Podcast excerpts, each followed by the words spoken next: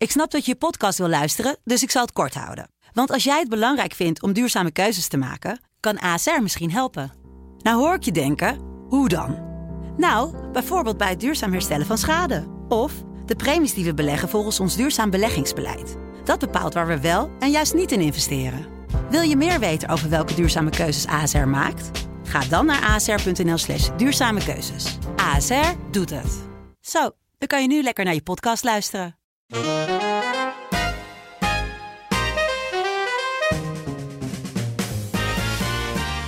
is Bontewas Podcast. Het wasprogramma tegen blinde vlekken in de media. Uw gids in mediamissers en opstekers. Ik ben Wansi Muller. En ik ben Zoe Papa Ikonomu. We zitten nog altijd midden in de coronacrisis, dus Wansi en ik nemen op van afstand. En dat doen wij deze aflevering niet met z'n tweeën, maar met z'n drieën. Ja, super fijn om eindelijk weer eens iemand te ontvangen in Bontewas Podcast, ook al is het dan digitaal. Dit seizoen ontvangen we gasten aan de hand van een thema en bespreken we hoe het staat met de diversiteit binnen dat thema. En deze aflevering gaan we de diversiteit verkennen binnen de modejournalistiek. En dat doen we met Janice Deul. Zij is modejournalist, fashionactivist en oprichter van het platform Diversity Rules. En daarnaast werkt ze ook aan een boek over een inclusief modelandschap. Janice, welkom. Dank je. Wat een mooie introductie. Ja, hebben het zo goed omschreven, jouw ja, expertise? zeker. Het punt is wel dat ik ietsje minder uh, schrijf in de journalistiek op het moment. Maar ja, eens een journalist, altijd een journalist. Dus uh, ik kan me prima vinden in die uh, omschrijving. En Diversity Rules, kan je daar meer over vertellen?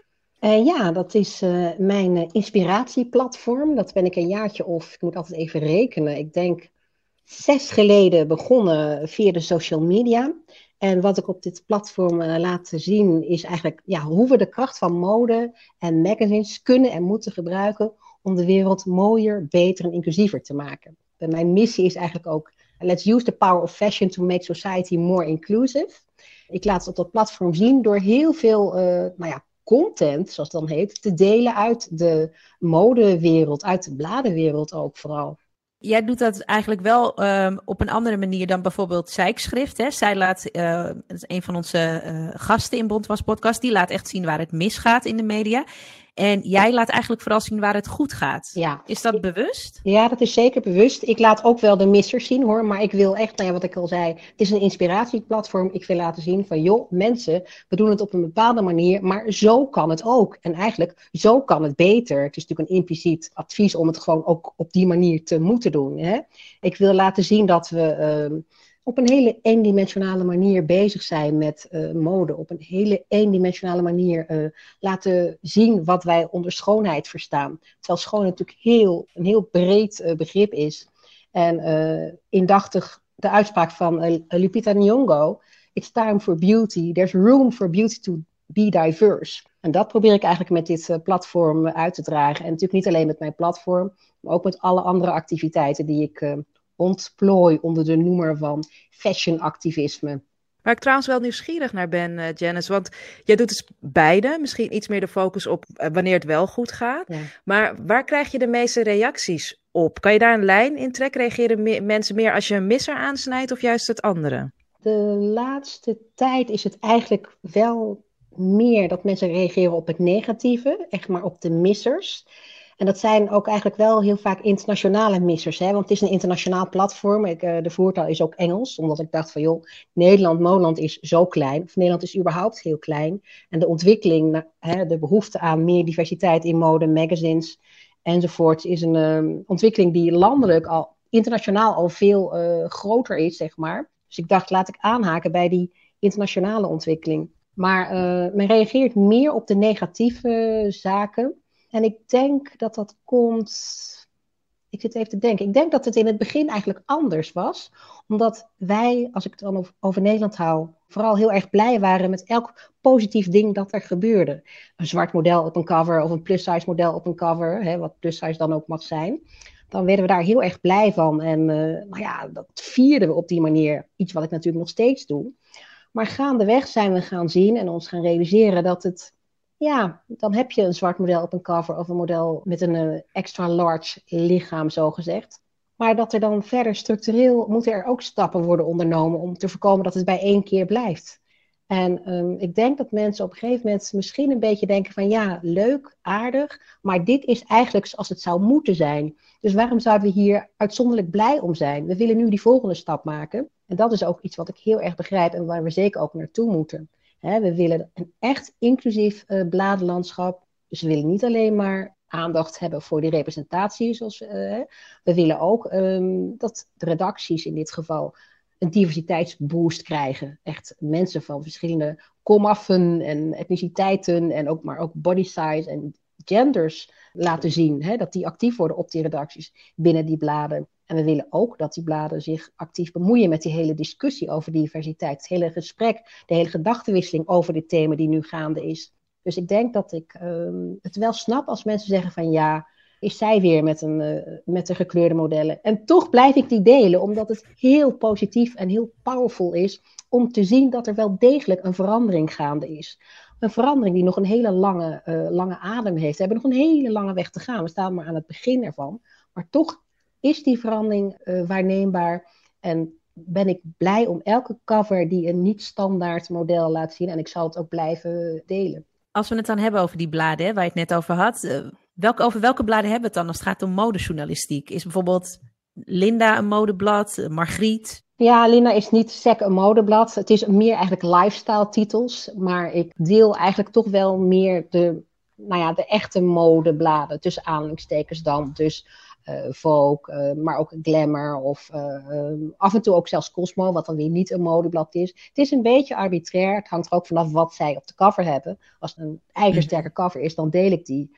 Maar ja, die vrouwenweekbladen zoals Margritte Libelle zal ik niet zo snel delen. Want ik wil toch ook wel een, zekere, ja, mag ik het zo zeggen, een zekere hipheid op het platform. Ik wil een bepaald, ja, het klinkt misschien een beetje lelijk, maar je snapt me.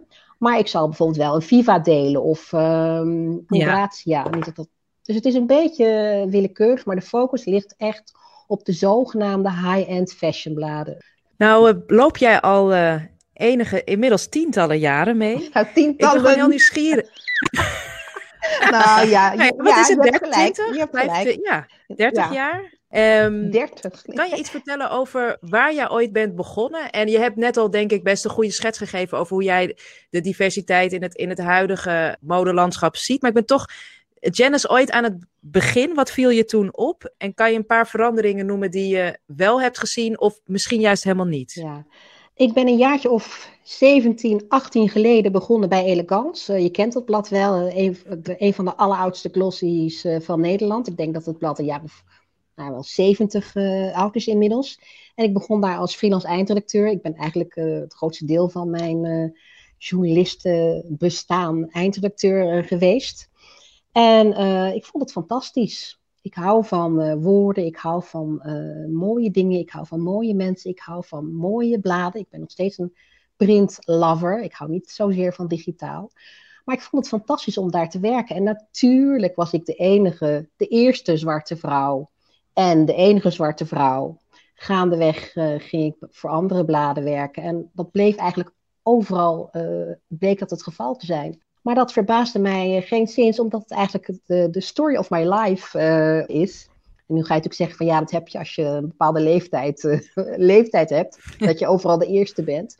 Maar ja, ik kom uh, af en toe nog op redacties en dan valt het me op dat er nog steeds heel erg weinig veranderd is. Wat dat betreft, hè, wat etniciteit mm -hmm. betreft. Ik dacht vroeger eigenlijk wel van, nou joh, over een paar jaar dan zul je zien, dan zullen er wel meer mensen van kleur op die redacties rondlopen. Dat gaat vanzelf. Maar we zijn nu bijna twintig jaar verder. En uh, nou ja, wat ik je zeg, het verandert zo langzaam als het überhaupt al verandert. Dus dat is wel iets wat me heel erg frappeert en wat me ook een beetje irriteert. Want aan de andere kant ken ik genoeg jonge vrouwen van kleur met de potentie om voor een modeblad te werken. En ook met, met de wil, zeg maar. Maar dat is dan best wel een groot probleem. Hè? Want enerzijds is het zo dat mensen dan heel vaak toch te terughoudend zijn om te solliciteren. En dat is natuurlijk omdat ze denken van ja, dan zit ik daar in mijn eentje als biculturele, biculturele journalist in mijn eentje op een redactie. Daar strikken mensen voor terug. Of ze denken misschien ik pas daar niet, want ik zie alleen maar blond haar, blauwe ogen. Ik chargeer een beetje. En anderzijds, wat ik ook heel vaak heb gehoord, is van mensen die wel een, een, vaak een stage binnen de bladenwereld krijgen, dat ze zich een beetje op een eilandje voelen zitten. Waardoor ze soms zelfs die stage voortijdig uh, afbreken, omdat ze echt het gevoel hebben van ja, ik zit hier niet op mijn plek, wat ik opper, dat wordt niet gehoord, of dat uh, bevalt niet, of dat vindt geen weerklank. Dus het is best wel lastig om daar uh, verandering in aan te brengen. En ik denk dat als je mij nu zou vragen, wat vind je dat er nu heel erg zou moeten veranderen binnen de bladen, dan is het niet eens hè, dat modellenverhaal, hoewel dat belangrijk blijft, maar dat is echt Geef die redacties een diversity eh, boost, een diversiteitsboost. Zorg dat er in elk geval meer verschillende etniciteiten op zo'n redactie zijn. Uh, zorg er gewoon voor dat zo'n redactie minder homogeen is. Ja, het zijn uh, net echte journalisten, hè? ja. Modejournalisten. het is ja. net echt, ja. Nou, het, het is wel heel echt. En ik vind het verbaast me soms dat mensen zichzelf daar zo weinig uh, rekenschap van geven. Weet je, dat journalistiek gewoon ook journalistiek blijft. Je ziet dat mensen soms heel slecht, ik zal maar zeggen, bronnen onderzoeken. Of dingen voor zoete koek aannemen. Je, je kunt je misschien destijds nog wel herinneren dat Kim Kardashian met, die, met, die, met dat vechtkapsel kwam. He, dat werd een bepaalde oh, ja. naam aangegeven en de hele wereldpers nam dat gewoon over zonder dat men ging. Ze noemden het boxer braids. Het boxer braids en het heet natuurlijk box braids of hoe je het ook wilt noemen. Uh, box braids. Cornrows. Uh, ja, cornrows is dan weer een andere variant. Maar inderdaad, boxer braids was een term die gewoon never gebruikt is, nooit gebruikt werd, nooit bestaan heeft. En nu spreekt bijna de hele wereld over boxer braids. En doorgaans, als zoiets zou gebeuren, dan is het jouw taak als journalist om dingen te researchen. En ik vind soms dat uh, lifestylebladen journalisten zichzelf en het vak niet serieus genoeg nemen door dingen zomaar klakkeloos aan te nemen of over te nemen. Wat voor cultuur is dat nou eigenlijk op zo'n redactie? Want dat omschreef je net dat ja, dat toch homogeen is, een bepaalde manier van omgang. En dat dus ja, mensen zich uh, zelfs ook op een stage gewoon echt niet ja. thuis voelen. Nou, ik heb zelf altijd met heel veel plezier gewerkt binnen de bladenwereld. Ik heb me nooit out of place gevoeld, maar het was natuurlijk wel een andere tijd misschien. Ik was in die tijd ook niet bezig met de thema's die nu spelen binnen de mode, binnen de beauty, binnen de bladen. Ja, het is een beetje suf dat ik het zo moet zeggen van mezelf. Ik denk dat ik eigenlijk een heel wit iemand was in mijn opvattingen, in mijn benadering. Ja, snap je wat ik bedoel? In mijn opstelling. Ik herken het wel hoor. Ik bedoel, we zijn allemaal producten van deze witte wereld. We zijn allemaal opgegroeid in deze witte maatschappij. Dus het is logisch dat we ons zo op hebben gesteld al die jaren. En ik vond me in, destijds ook nooit op over thema's als diversiteit of inclusiviteit. Integendeel, ik wilde dat soort onderwerpen, dat soort onderwerpen, verre van me houden. Omdat ik dacht van, joh, mensen, halen jullie in godsnaam jullie eigen broek op, want dat doe ik ook. Hè? Dat had ik ook van huis uit geleerd. Als je iets kunt en je, je, gaat ervoor, dan komt het vanzelf wel goed. Dus ik dacht echt van, ja, als, ik, als het jou niet lukt om het te maken tussen aanhalingstekens, dan ligt dat misschien ook wel een beetje aan jezelf.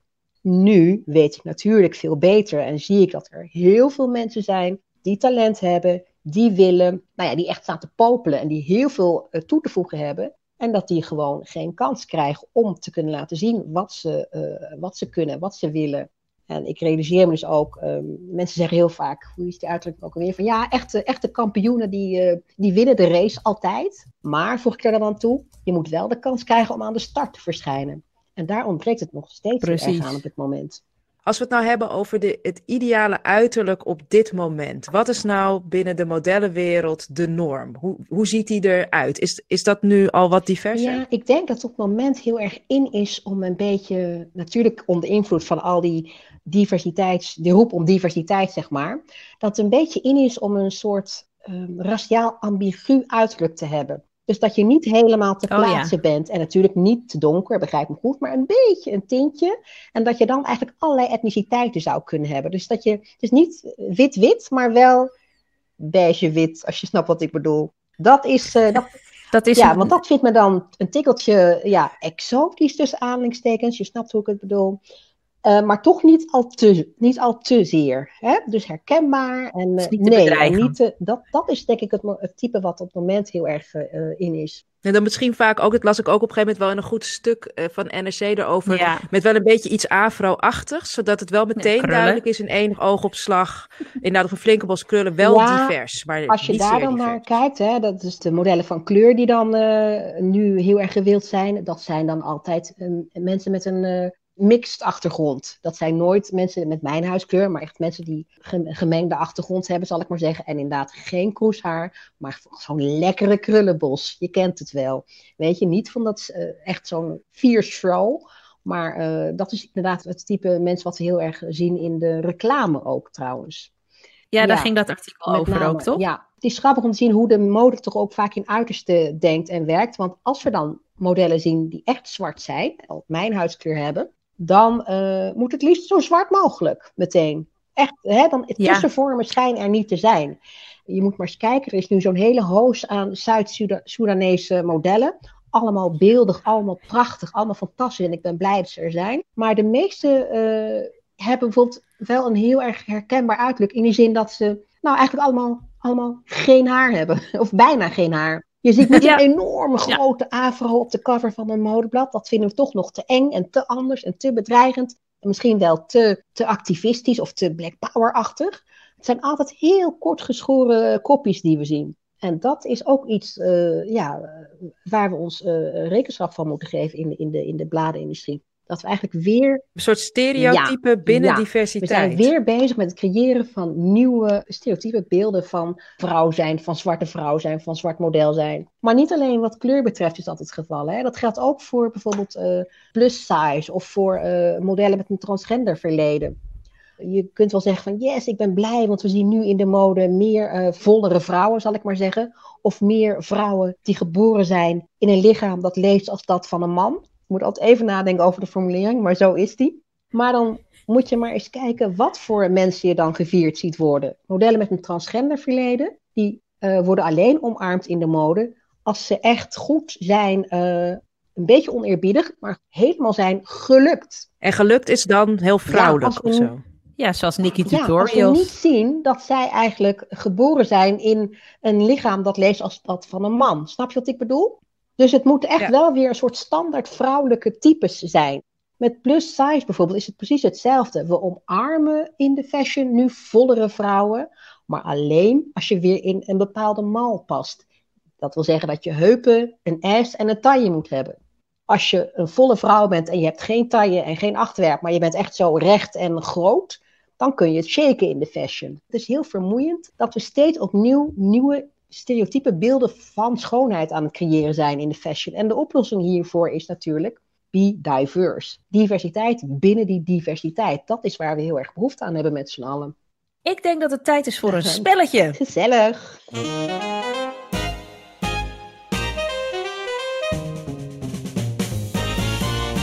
Het blinde vlekken kwartet. Het blinde vlekken kwartet. Het blinde vlekken kwartet. Het blinde vlekken kwartet. Het blinde vlekken. Het blinde vlekken kwartet. Het blinde vlekken kwartet.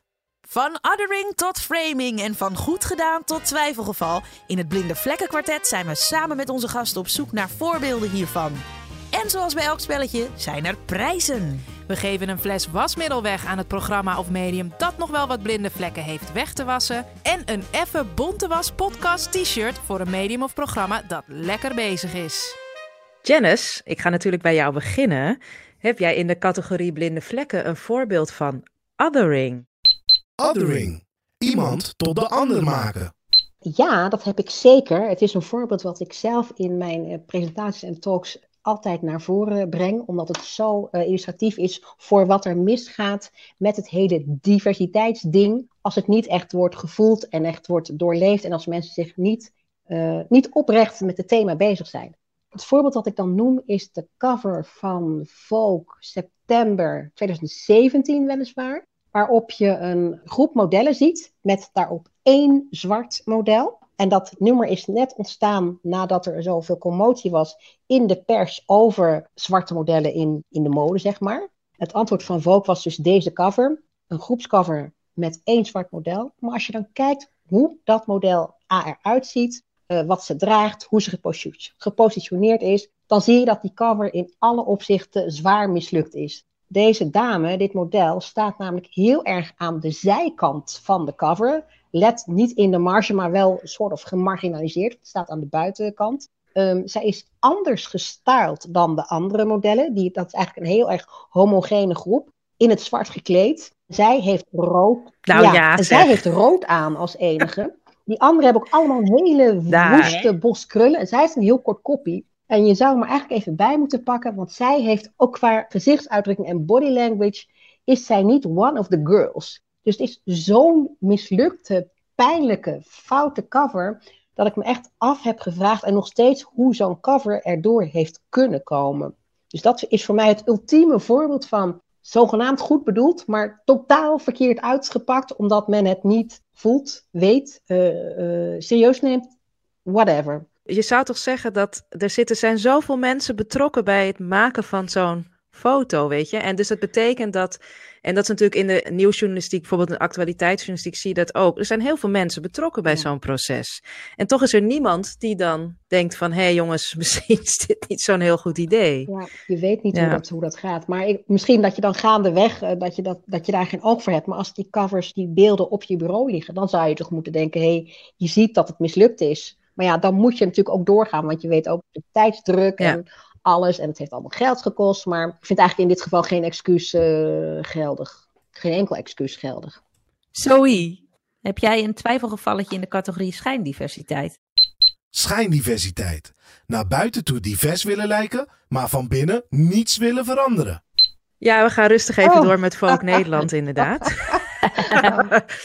Ja, het is wel een twijfelgevalletje. Dat zeg ik ook omdat er gewoon uh, prachtige mensen op deze cover staan. Het is, het heel recent. Uh, volgens mij de laatste cover gaat ook een soort nou ja, quarantaine-nummer. Maar er zijn, uh, ik geloof een negental modellen geïnterviewd over, nou ja, hoe zij deze tijd beleven. En het heet ook Alone Together. Dus ze zijn allemaal apart gefotografeerd en dan zeg maar met z'n negen op de voorkant gezet. Nou, als je er gewoon oppervlakkig naar kijkt, dat zit ik nu ondertussen ook te doen. En we zullen op de social en op andere plekken deze foto's ook allemaal natuurlijk rond laten gaan het zijn prachtige mensen die erop staan. En je ziet qua kleurdiversiteit. Uh, ik vind alleen wel als je het puur op diversiteit binnen diversiteit kijkt, het zijn allemaal uh, jonge mensen. Um, ik zie niet heel veel verschil, zeg maar, in lichaamsomvang bijvoorbeeld. Dus dat, dat had misschien nog wel iets diverser gekund. Maar wat ik gewoon ingewikkeld vind, is dat er over Folk Nederland is toch ook wel veel te doen geweest. Met ook een uh, oud hoofdredacteur die af en toe wel wat aparte dingen heeft gezegd. Maar misschien kan jij er zo op aanvullen, Janice. Maar het voelt voor mij,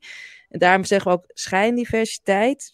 Als je toch dan ook kijkt naar achter de schermen bij Folk Nederland. Het is echt een goede eerste iets, maar het voelt dan ook een beetje met dan... Ik vind het altijd een lastige van een beetje nu een wit voetje, wou ik zeggen. even zeg maar een uh, even goede sier maken met, met diversiteit. Maar denk je echt divers en werk je ook echt divers? Dat vraag ik me dan toch wel af. Ja. Verder met alle respect voor de prachtige mensen die op de cover staan, want die zijn geweldig. Ja, nee, dat, dat was precies de twijfel die ik er ook bij had. In hoeverre is diversiteit onderdeel van het zijn van die redactie?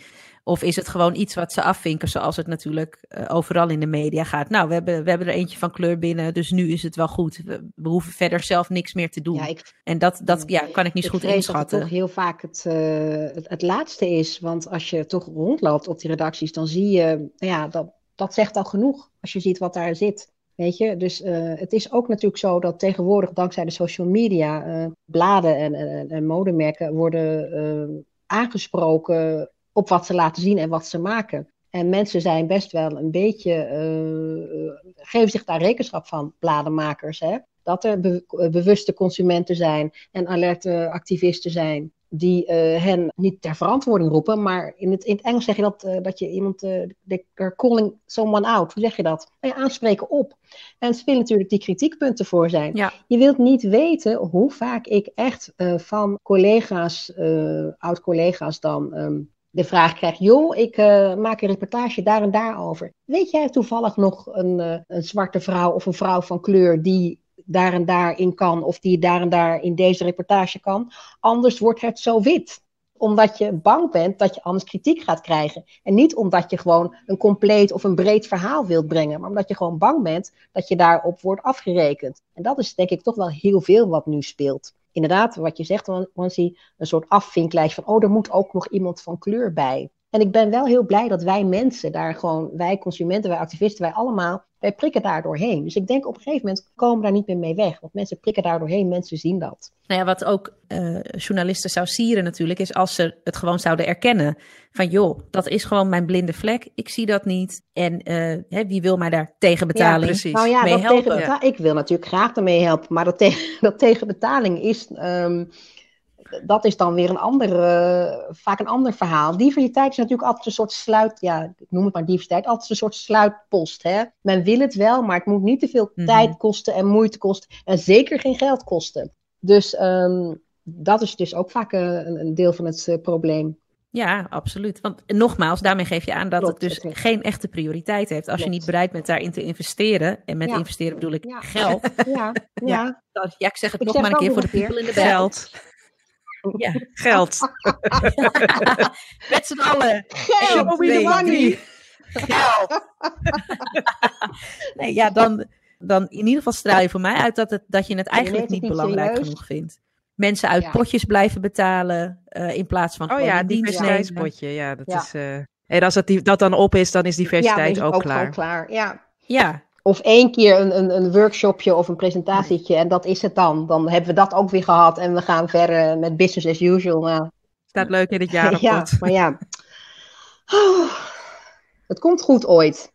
Eh Wansi, heb jij in de categorie eh, blinde vlekken nog een voorbeeld van eh, terminologie? Terminologie. Woordgebruik. ik zag van Reuters iets voorbij komen en ik denk dat het op jouw platform Diversity Rules was zelfs. Over een Nairobi hair salon that creates a coronavirus style. Het eerste wat ik dacht toen ik die foto zag, dat screenshot, was There we go again. ja. Ja, want het was duidelijk gewoon threading. En dat is een, een, een haarstijl waarbij je haarstrengen eh met eh, wol of garen, ja, moet ik Ja. het zeggen, eh, omrolt en uitrekt. En ik begrijp oprecht niet wie heeft bedacht dat dat, ja, oh, ja ik, ik, ben, ik weet het gewoon niet. Ik weet, ik weet niet eens wat ik hierover moet zeggen. Want ik moest gewoon zuchten toen Ja. ik dat zag.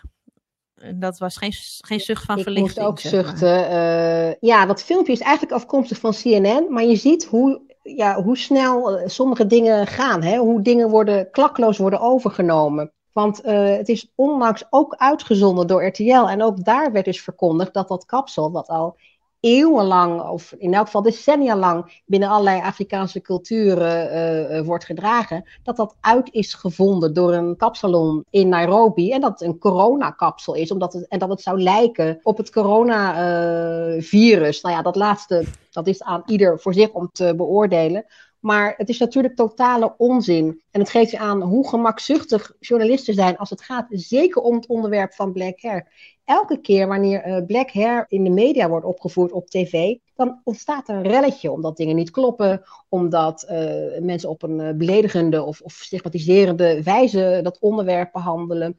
Weet je nog, een tijdje geleden had je die, die rel met zo'n RTL-programma waarin werd gezegd dat natural hair Ja, eh, bos N-word haar is. Ehm, eerder heb je in een RTL-programma had men het over de natural hair movement. En die werd even helemaal uit zijn verband getrokken. Dat mensen gewoon met krullen opeens ook hun haar eh, gingen vieren. Hè? Dus niet kroeshaar, maar mensen met een beetje slag. Die waren opeens actief met de natural hair movement bezig. Terwijl die link met black hair helemaal niet werd gelegd. Die link met het verleden niet werd gelegd. Nu is er eer- weer iets wat helemaal niet klopt. Dus het is echt frappant als we het hebben over eh, black hair. Dat we niet dat op een gedegen, normale, eh, journalistieke manier kunnen doen. Ook is het een lifestyle onderwerp. En ik denk dat dat ook meteen de fout is. Want black hair is niet alleen maar, het gaat niet alleen om haar of over fashion. Het is ook cultuur, het is historie, het is erfgoed. Daar moet je net zo eh, gedegen mee omgaan als je dat met je eigen, zal ik maar zeggen, heritage doet. Net zo respectvol. Ik ga even kijken of we ook naar wat zuchten wel van verlichting kunnen Ah. gaan. Janice, heb jij een voorbeeld in de categorie? Ga zo door. Ah ja, er zijn natuurlijk ook dingen die zeker goed gaan. Eh, ja, we hebben het net al een beetje gehad dat in elk geval we zien meer diversiteit qua modellen in de bladen en op de bladen. Dat is sowieso toe te juichen. Ehm, en als ik dan een pluimpje mag geven aan een eh, medium in de zin van eh, ga zo door. En dan zou ik er eigenlijk aan willen toevoegen ga zo door en ga nog verder. Dan is dat L, de Nederlandse L. Het is uh, in mijn optiek, wat ik heb gemerkt, best wel lastig om met uh, van modebladen te levelen, te praten, van gedachten te wisselen over dit thema. Mensen stellen zich vrij lastig daarvoor open om in elk geval met mij die, het gesprek aan te gaan. Kan aan mij liggen, maar dat is wat ik uh, merk. We zijn bezig met dat boek over mode en uh, diversiteit, inclusiviteit. En ook daarvoor hebben we best wel moeite moeten doen bij sommige hoofdredacteuren om ze zover te krijgen. Terwijl het gewoon een handboek is voor de hele branche. Om hen zover te krijgen om mee te, zich te laten interviewen door het, uh, voor ons. Hè? Degene die meteen heel enthousiast daarop reageerde. En degene die echt wel bezig is met het hele onderwerp diversiteit, erover nadenkt en ook bijvoorbeeld durft om het gesprek aan te gaan in een zaal vol studenten, vol modestudenten, is uh, Edine Russel van L. Uh, en dat vind ik zeer, uh, ja, je zou kunnen zeggen, het is eigenlijk normaal. Ik zou hetzelfde doen. Maar als je je realiseert dat heel veel van haar collega's dat niet doen, of niet durven, of daar geen behoefte aan hebben, of bang zijn om het verkeerde te zeggen, dan is het wel heel tof dat zij dat wel doet. Ze probeert in elk geval om daarmee aan de slag te gaan. Zij hebben ook mensen van bi bi biculturele journalisten of freelancers in het bestand net iets meer. Nou ja, dus dat vind ik eigenlijk alleen maar tof. Uh, ik zou dus nogmaals willen zeggen, El Nederland, ga zo door en ga nog verder. Zoe, heb jij ook een voorbeeld in de categorie ga zo door? Ja, zeker. Nou ja, wat ik wel interessant vond, we hebben natuurlijk al eindeloos lang het programma Hollands Next Top Models. Dat heeft allerlei verschillende presentatoren gehad, presentatrices en stylisten en wie er allemaal in voorkwamen. En ze hadden dus het uh, afgelopen seizoen, uh, hadden ze een Breaking the Rules. Uh, misschien wel weer jammer dat het dan weer zo moet heten, maar wel het heel erg met het idee van we willen een andere norm, meer diversiteit. Volgens mij ook een samenwerking met, hoe heet dat ook alweer, Janice Movement? Movement Models, ja. Nou ja, als je dan kijkt naar wat voor deelnemers er zijn geweest, dan zie je in ieder geval op, als je het over diversiteit hebt, in ieder geval op een aantal fronten zie je echt diversiteit, zeker qua kleur bijvoorbeeld. En ik vind ook wel dat als je kijkt naar de mensen die zij uitnodigen om uh, nou ja, in de jury te zitten. Anna Notion presenteert natuurlijk. Mensen als Jean-Paul Paula komen daar af en toe langs. Ja, ik, ik heb voor mijn gevoel uh, maar ik zit, er natuurlijk, ik zit er iets minder diep in. Maar voor mijn gevoel wordt daar in ieder geval wel over nagedacht. Maar ik ben wel benieuwd, Janice, heb jij dat idee ook bij dit programma? Um, ik denk dat ze daar zeker over nadenken. Maar ook natuurlijk omdat de roep om diversiteit maatschappelijk steeds luider klinkt. Ook in de mode. Uh, je, je, weet misschien ook wel dat Jean-Paul inmiddels uh, ook niet meer aan het uh, programma ver, verbonden is de laatste keer. En ik weet niet wat daaraan, waar dat allemaal door komt. Maar ik, ik, vond het op zich wel jammer, want het is toch wel iemand die kleur ja. aan, aan, het, aan zo'n programma geeft. En um, de, deze laatste editie die werd gemarket, gep'erd als de meest diverse ooit.